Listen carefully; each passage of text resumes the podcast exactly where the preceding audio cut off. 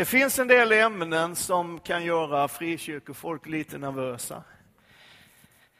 Eh, du vet, det, det är rätt spännande när man står, står under en tid i en församling. Man presenterar olika ämnen. Att ja, men den månaden så kommer vi att predika om det där och nu tar vi den här bibelboken och sen blir det det där. Och, och ibland så märker man liksom hur det tänder till i församlingen. Yes, de där ska vi gå på. Det där vill jag höra, det där blir spännande.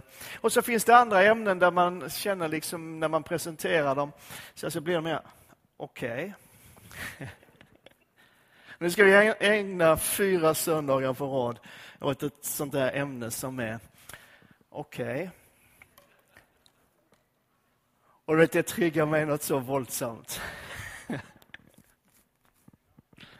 Utan tvivel, lägg märke till frågetecknet som finns med. Utan tvivel. Han var nästan född in i kyrkan. Han hade börjat söndagsskolan innan han ens kunde gå nästan. Deltagit vecka efter vecka, år efter år i barngrupper och ungdomsgrupper. Han hade gått på dopundervisning och sen blivit döpt i tidiga tonår. Han hade spelat i ungdomskören och varit på evangelisationsläger på sommaren och gått på bibelskola och träffat en tjej och gift sig och fått barn. Och fortsatt troget och hyfsat regelbundet att vara med på gudstjänster och i hemgruppen. Han var aktiv i församlingen på ett sånt där sätt som inte sticker ut, om du förstår vad jag menar. En helt vanlig frikyrkomedlem. Och nu satt han i fåtöljen på pastorns expedition och så sa han så här. Christer, jag vet inte om jag tror längre. Och det fanns en smärta i rösten. Det var så tydligt att det han sa, när han sa att jag vet inte om jag tror längre, var präglat av någon sorts sorg, som förlust. En besvikelse. En besvikelse som nog inte handlar så mycket om kyrkan eller sammanhanget, utan kanske var han allra mest besviken på sig själv. Och det blev ett rätt långt samtal om livet, om tro och tvivel, om sånt som har blivit trasigt och kanske en och annan sak som blivit hel. Och det samtalet som blev är någonstans i sig själv svaret på frågan om varför håller vi nu den här serien av predikningar? Jag har fått en och annan fråga, jag har anat desto fler. Varför ska vi prata om tvivel? Är det inte tron vi ska predika? Och det är klart att det är. Fattar alla du? Men livet med Gud består av tro. Och ibland av tvivel och undringar.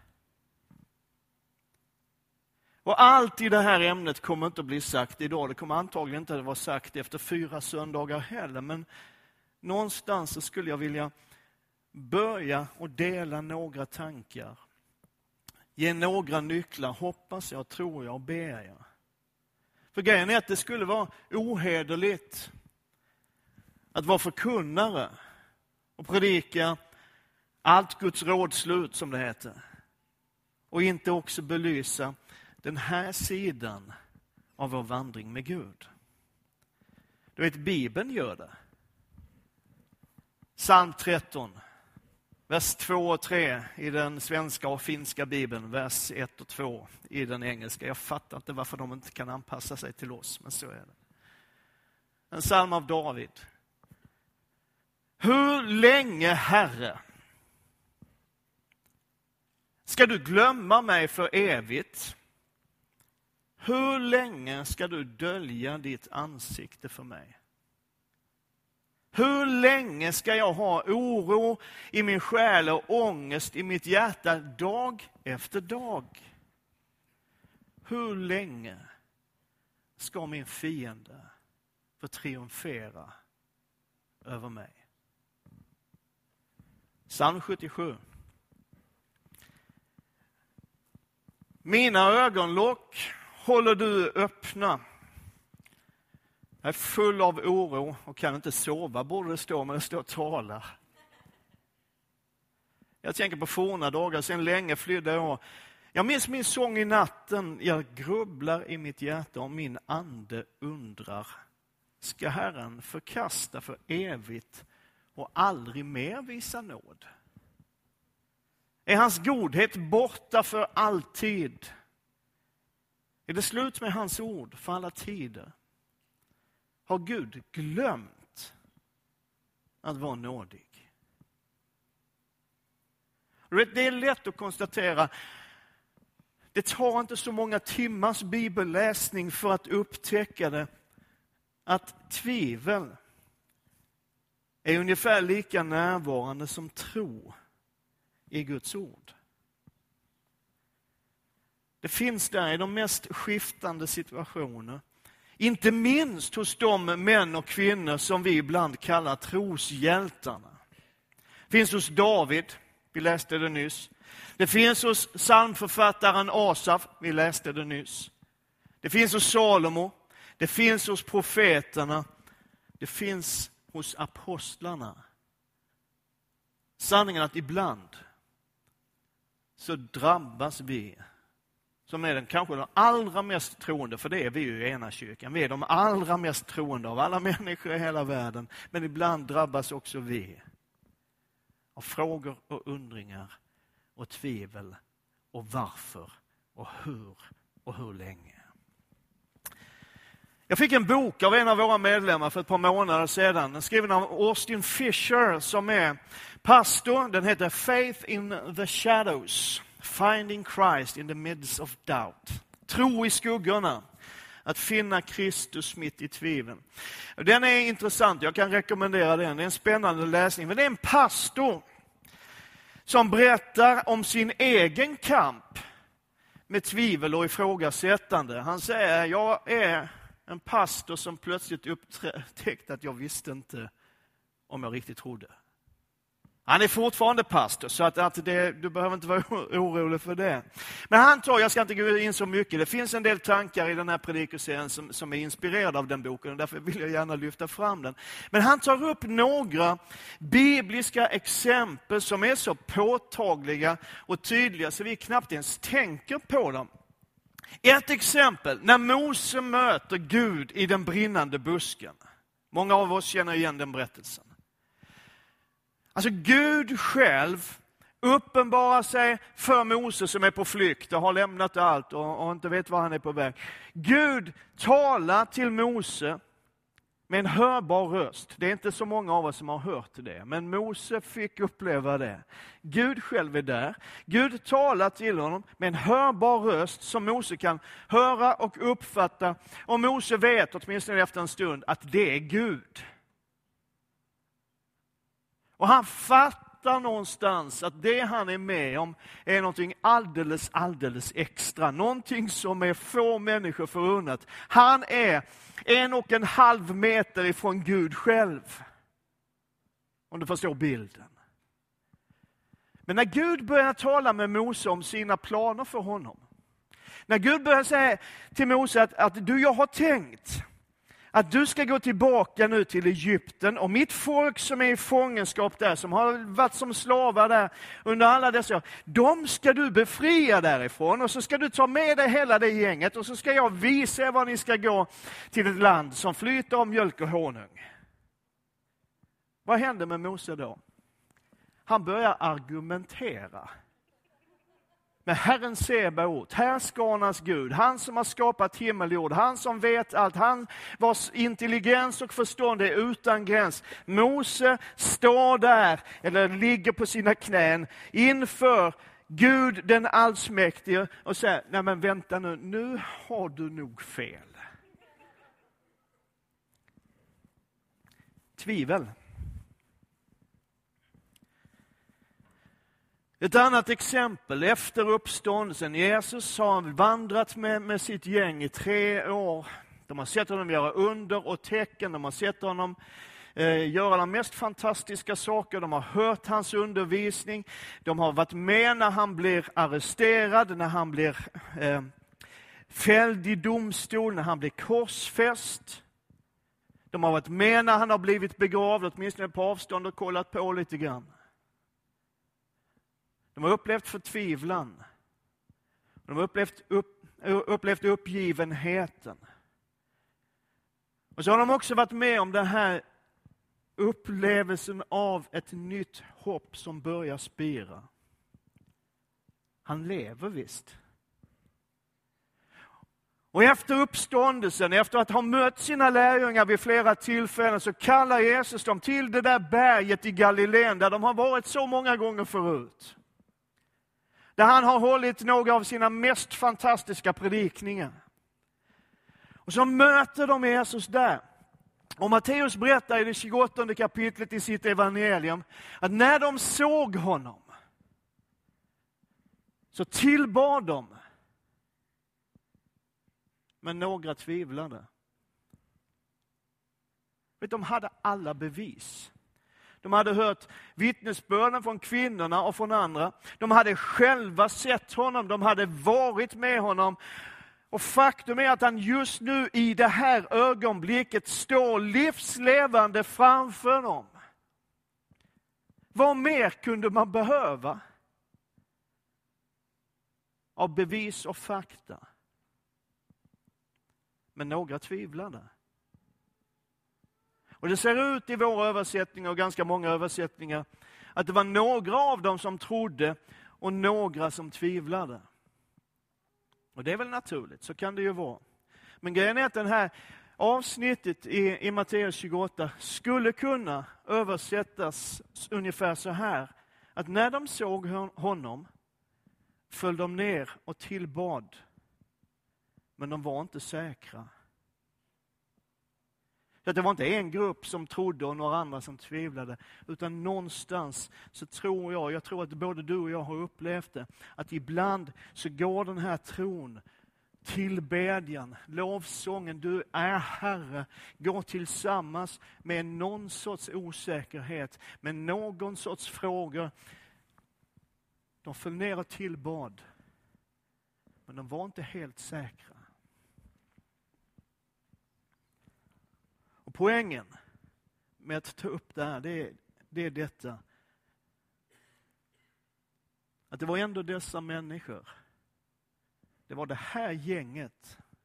Människorna som trodde och tvivlade. Som inte alltid var helt säkra. Det var de som gick ut i hela världen och vände upp och ner på den.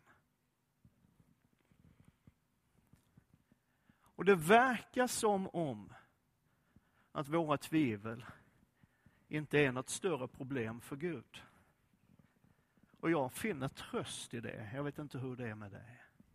Och den här predikoserien, låt mig säga det, den har inte till syfte att uppmuntra dig och mig att tvivla mer. Jag tror inte vi behöver den uppmaningen. Men syftet, det, det vi är ute efter, jag kan deklarera från första stunden, det är att visa dig och mig, vi som är vanliga människor, som tror en del och tvivlar en hel del ibland. Att visa dig och mig att Gud har kontroll i alla fall.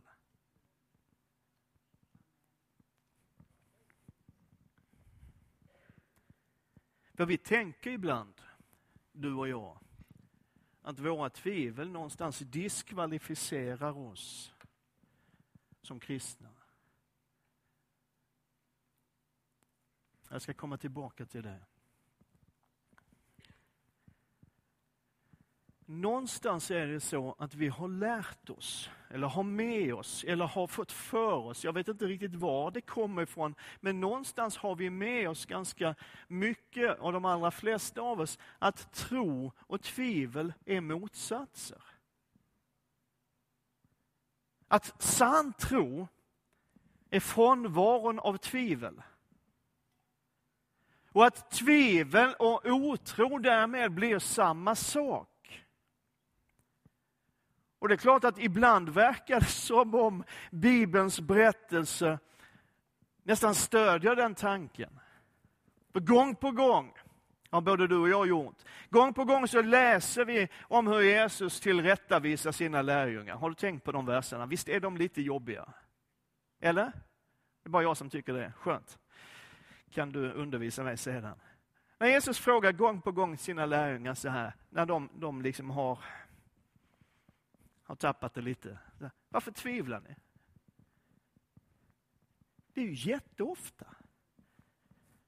Man tycker, ja men de är ju bara helt normala. Vet, jag känner jättemycket frikyrkofolk. Och det gänget med lärjungar, de hade liksom varit perfekta i vilken församling som helst. Speciellt då. Varför tvivlar ni? Vad svag tror ni har? Var, varför, varför, varför tvivlar ni? Vid något tillfälle står det till och med att Jesus tillrättavisade dem skarpt och frågade varför tvivlar ni? Det finns två ord primärt, det finns några till, men två ord primärt som översätts med tvivel i vår bibelöversättning. Det ena är diakrino, som beskriver en sorts osäkerhet om vad man ska tro. Och den, här, den här tvivlet det uppstår någonstans på grund av brist på kunskap, insikt och erfarenhet. Alltså man har helt enkelt inte fått undervisning eller gjort erfarenheter som pekar ut någon riktning. Man har inte hört till exempel att Jesus är Guds son. Om man inte har hört att Jesus är Guds son så är det ganska svårt att tro att Jesus är Guds son. Eller hur? Det är den sorten. Det andra ordet är distatso. Och det är här som vi som kallar oss troende ibland får problem. För det ordet handlar om att ifrågasätta om den kunskap och erfarenhet man har verkligen stämmer. Är du med nu? Alltså om det jag har lärt mig, det jag tycker mig genom livet någonstans har erfarit, åtminstone ibland, stämmer det verkligen?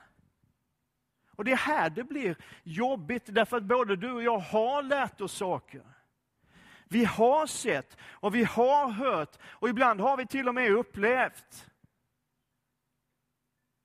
Men vi kan ifrågasätta ändå. Var det verkligen så? Är det verkligen så? Jag har funderat en del när jag planerat för den här predikelsen. Vad är det egentligen som utlöser tvivel? Vad är det som triggar igång det? Och Det kan säkert vara en massa olika saker. Men som jag har märkt, både i mitt eget liv och i, i, samtal med andra, som man har rätt mycket som, som pastor, så är det främst två saker. Det ena är livet själv. Alltså när det man har trott, när det man har hållit för sant, det som man har lärt sig, på något sätt inte verkar stämma. Alltså verkligheten stämmer inte med kartan. Och man kan hamna i sådana situationer där det känns som hela livet landar rakt på en. Man blir fullständigt krossad. När plötsligt allting talar emot nästan allt vad man någonsin har trott.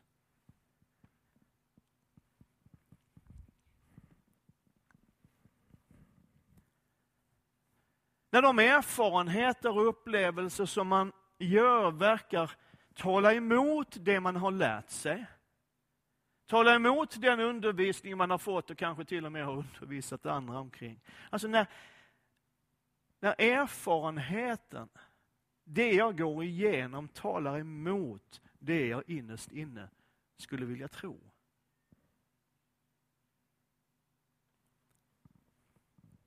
Man tror och har lärt sig, man har hört och man har bekänt sig till det, att Gud vill och kan hela de sjuka. Men man blir inte frisk.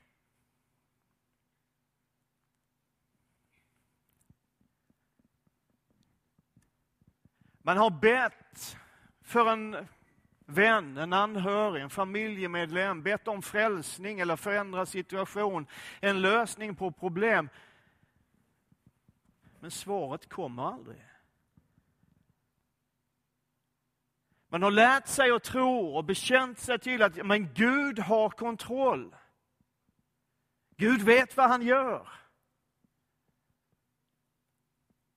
Men plötsligt är hela livet kaos.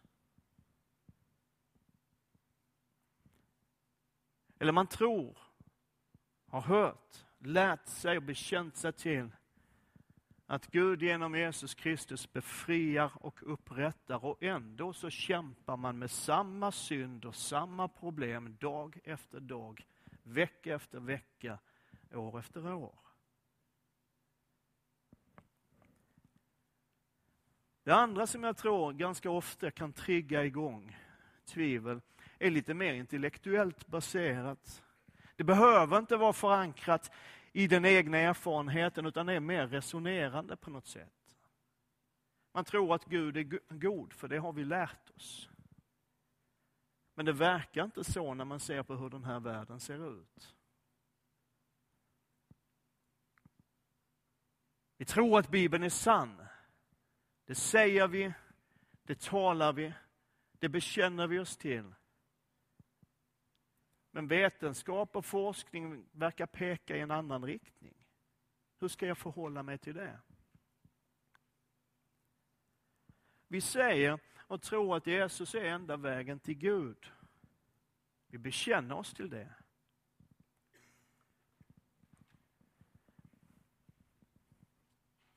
Vågar säga det här? Jo, det gör jag, för du brukar tänka det ibland. Vi tror och bekänner oss till att Jesus är enda vägen till Gud, men faktum är ju att muslimer och hinduer ofta är precis lika goda människor som du och jag, som är frireligiösa. Eller hur? Och det finns en massa andra exempel, jag ska inte stå här och dra dem, för då kommer vi aldrig härifrån. Men grejen är att båda de här sätten att tvivla, ofta uppträder de i någon sorts kombination med varandra är lika svåra, lika jobbiga att hantera. Vad gör man av det? Och ibland så går det så långt så att man är framme vid det som jag har citerat tidigare, som Karl-Henrik Jacklund så träffande beskriver, när man tror att man inte längre tror. För att man inte längre tror som man en gång trodde. Jag skulle vilja säga några saker idag. Det här blir en introduktion till, till det här temat. Men jag skulle vilja säga några saker idag som jag hoppas och ber till Gud att de kan få hjälpa dig och mig. För det första så vill jag säga, tvivel är inte samma sak som otro.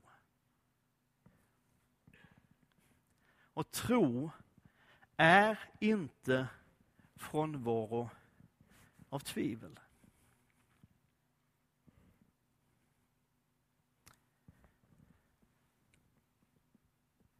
Tro är inte frånvaro av tvivel. För grejen är ju att vi tvivlar ju på det vi tror på. Eller hur? Låt det sjunka in lite. Vi tvivlar på det vi tror. Det vi inte tror på tvivlar vi inte på. Utan vi tvivlar på det vi tror på. Så någonstans måste det vara så att tvivel förutsätter tro. Och för det andra så är inte tvivel samma sak som otro. Tvivel kan leda till otro. Men det kan också leda till tro. Vet, Bibeln berättar om Abraham. Jag vet att många av oss känner igen den berättelsen. Gud lovar Abraham, du ska få en son. Och Det var väl bra, för det ville han ha. Men det fanns ju ett par problem. Det ena problemet var att Abraham var väldigt gammal. Bibeln beskriver som att han var så gott som död. en underbar beteckning på en stackars människa. Han är nästan död. Det andra problemet, och det var nog ett större problem i det här sammanhanget, var att hans fru var väldigt gammal. Hon var långt förbi övergångsåldern. Det fanns inga som helst naturliga förutsättningar för att de skulle kunna få barn. Och ändå lovade Gud Abraham och Sara att ni ska få en son. Och Det här är vad Bibeln säger om Abraham. Han tvivlade inte i otro på Guds löfte, utan blev istället starkare i tron och gav Gud äran. Vet, grejen är att Abraham faktiskt tvivlade. Men han tvivlade inte i otro. Han lät inte sina frågor och sina funderingar leda till att han inte trodde. Utan tvärtom så lät han sina frågor och sina undringar leda till att hans tro blev starkare. Vet, hans fru Sara tvivlade också en aning. Det står att hon skrattade åt Gud när han sa att du ska få en son. Hon gjorde det i smyg. Men Gud visste det och frågade honom varför skrattar din fru åt mig? Men grejen är att Abraham lät inte sina tvivel, sina frågor, sina invändningar leda till att han inte trodde. Utan istället så handlade han som om han trodde. Är du med? Du vet, så att när På spåret var slut på fredagskvällen så sa han till Sara, hörde gumman, ska vi gå och tro på Gud lite grann? Var står det? Ah, jag vet inte.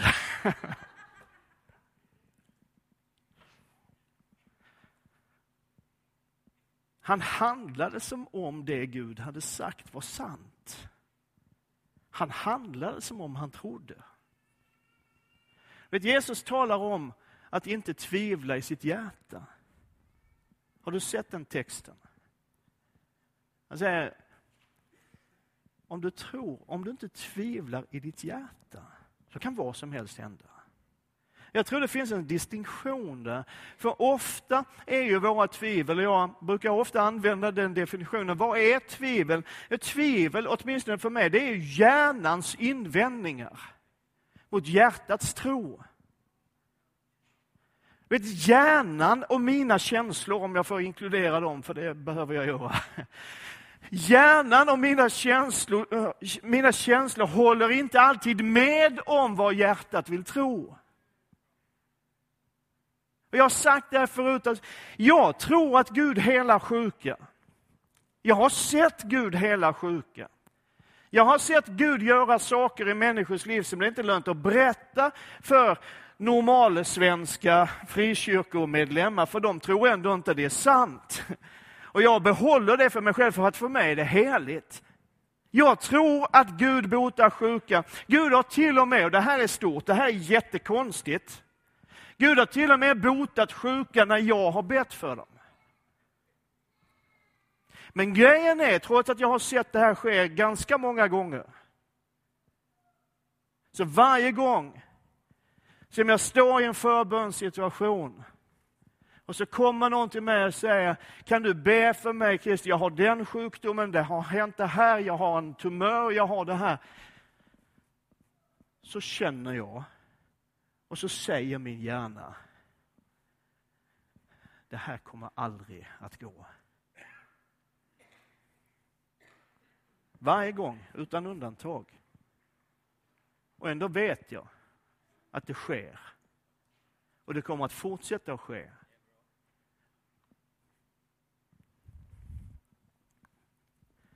Tvivel är hjärnans invändningar mot vad hjärtat egentligen vill tro. Och så länge vi vill tro, så är min övertygelse, lyssna noga på vad jag säger nu, så länge vi vill tro, så är min övertygelse att tvivlen egentligen inte är något större problem.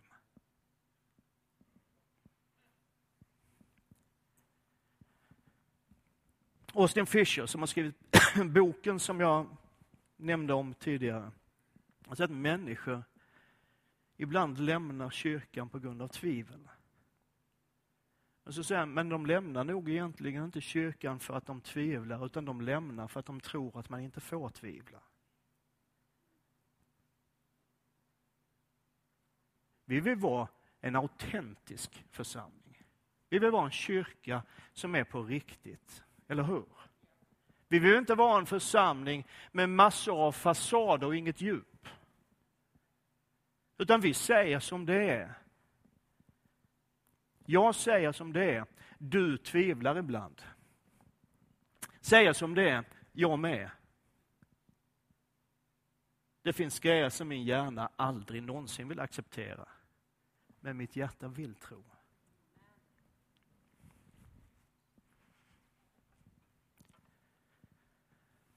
Så vad är det för skillnad på tro och otro då? Och vad är det för skillnad framförallt på tvivel och otro? Och försök komma ihåg vad jag säger nu, för det här är riktigt bra. Vad är skillnaden på tvivel och otro?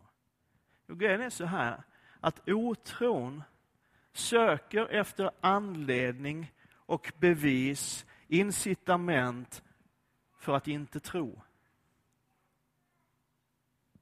Men tvivlet söker, ibland desperat,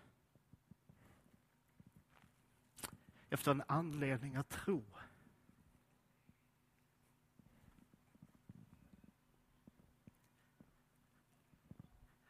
Otron vill inte tro. Otron söker efter bevisen som gör det möjligt för mig att fortsätta att inte tro. Men vi tvivlar bara på det vi tror på. Så tvivlet söker desperat efter en anledning att tro.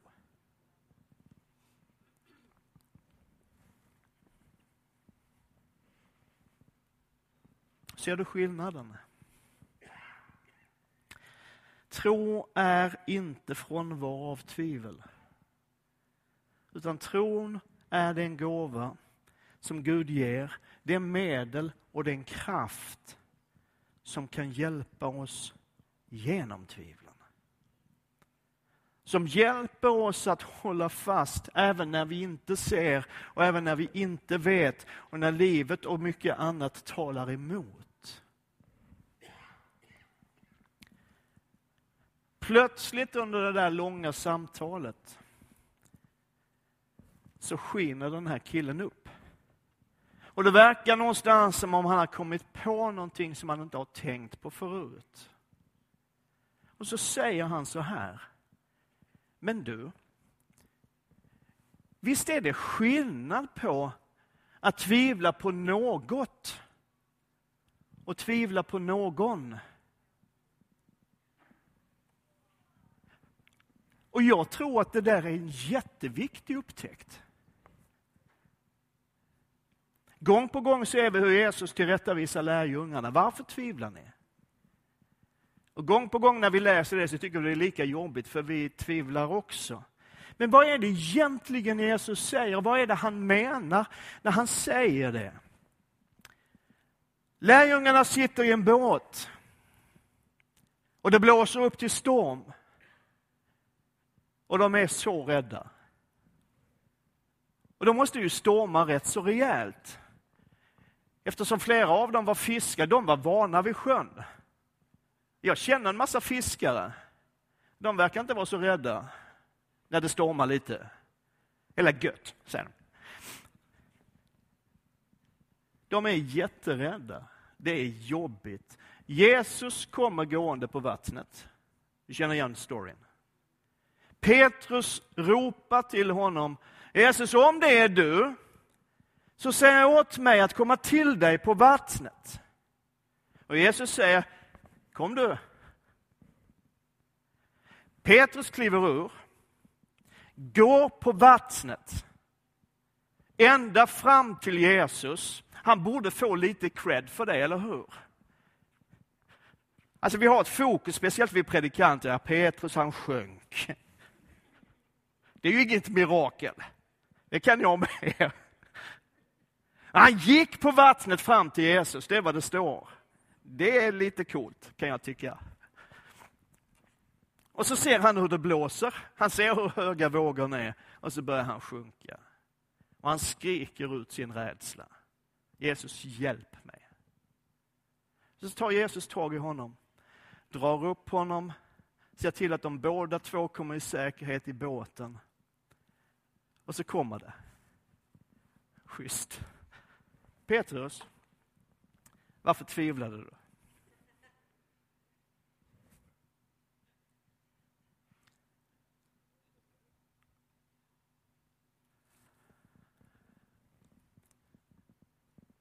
Men det Jesus säger, och det finns faktiskt en antydan i den grekiska grammatiken här, som bekräftar det här. Det Jesus egentligen frågar, det är Petrus, varför tvivlade du på mig? Petrus, varför tvivlade du på mig? vi tar bara det här lilla tillfället. Precis när de har kommit i båten och Petrus har sjunkit och alltihop det där. Och så, där ifrågasätter Jesus Petrus tro. Men grejen är att det börjar ju långt tidigare. Det börjar med att Petrus inte är säker på, är det där Jesus? Jesus, om det är du. Och jag kan ju tänka, att vem skulle det annars vara? Som kommer gående på vattnet. Jag tror inte det var jättevanligt att folk gjorde det. Det är som om Jesus säger till honom, Petrus, om det inte var jag, vem skulle annars ha kommit gående på vattnet? Och du Petrus, när du sjönk, trodde du på allvar att jag skulle låta dig gå under? Petrus, varför tvivlade du på mig? Det är klart att du tvivlar på om du verkligen kan gå på vattnet. Men varför tvivlar du på mig? Det finns en väldigt viktig poäng i den berättelsen. Och som har gett mig tröst så väldigt många gånger. Jag tror det är en poäng som vi ganska ofta missar. När det var som allra värst, när det är som allra, allra värst, när Petrus är som mest rädd, som mest skakad, när Petrus verkligen tror, nu är det kört. Så är det inte Petrus som håller fast vid Jesus. Det är Jesus som håller fast vid Petrus. jag finner en sån tröst i den tanken.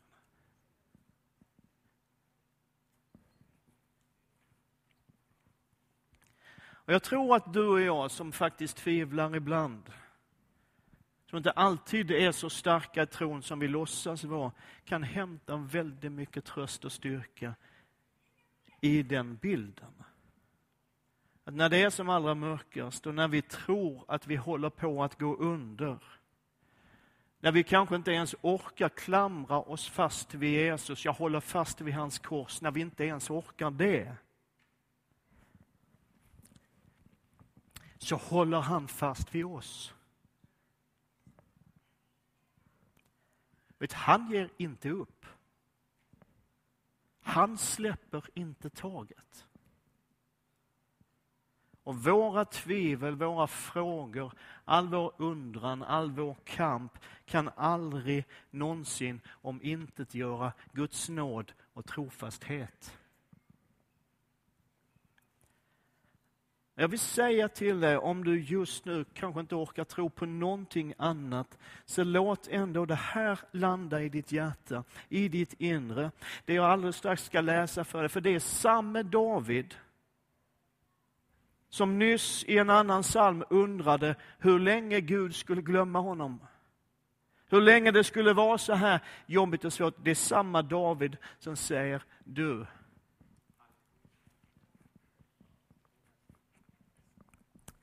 Du omsluter mig på alla sidor och håller mig i din hand.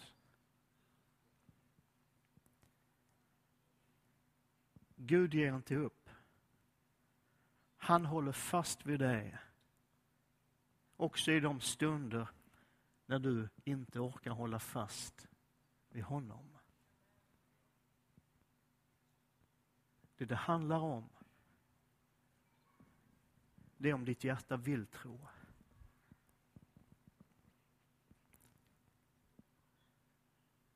Om ditt hjärta vill tro på honom och sträcka sig mot honom. Så vi ber tillsammans.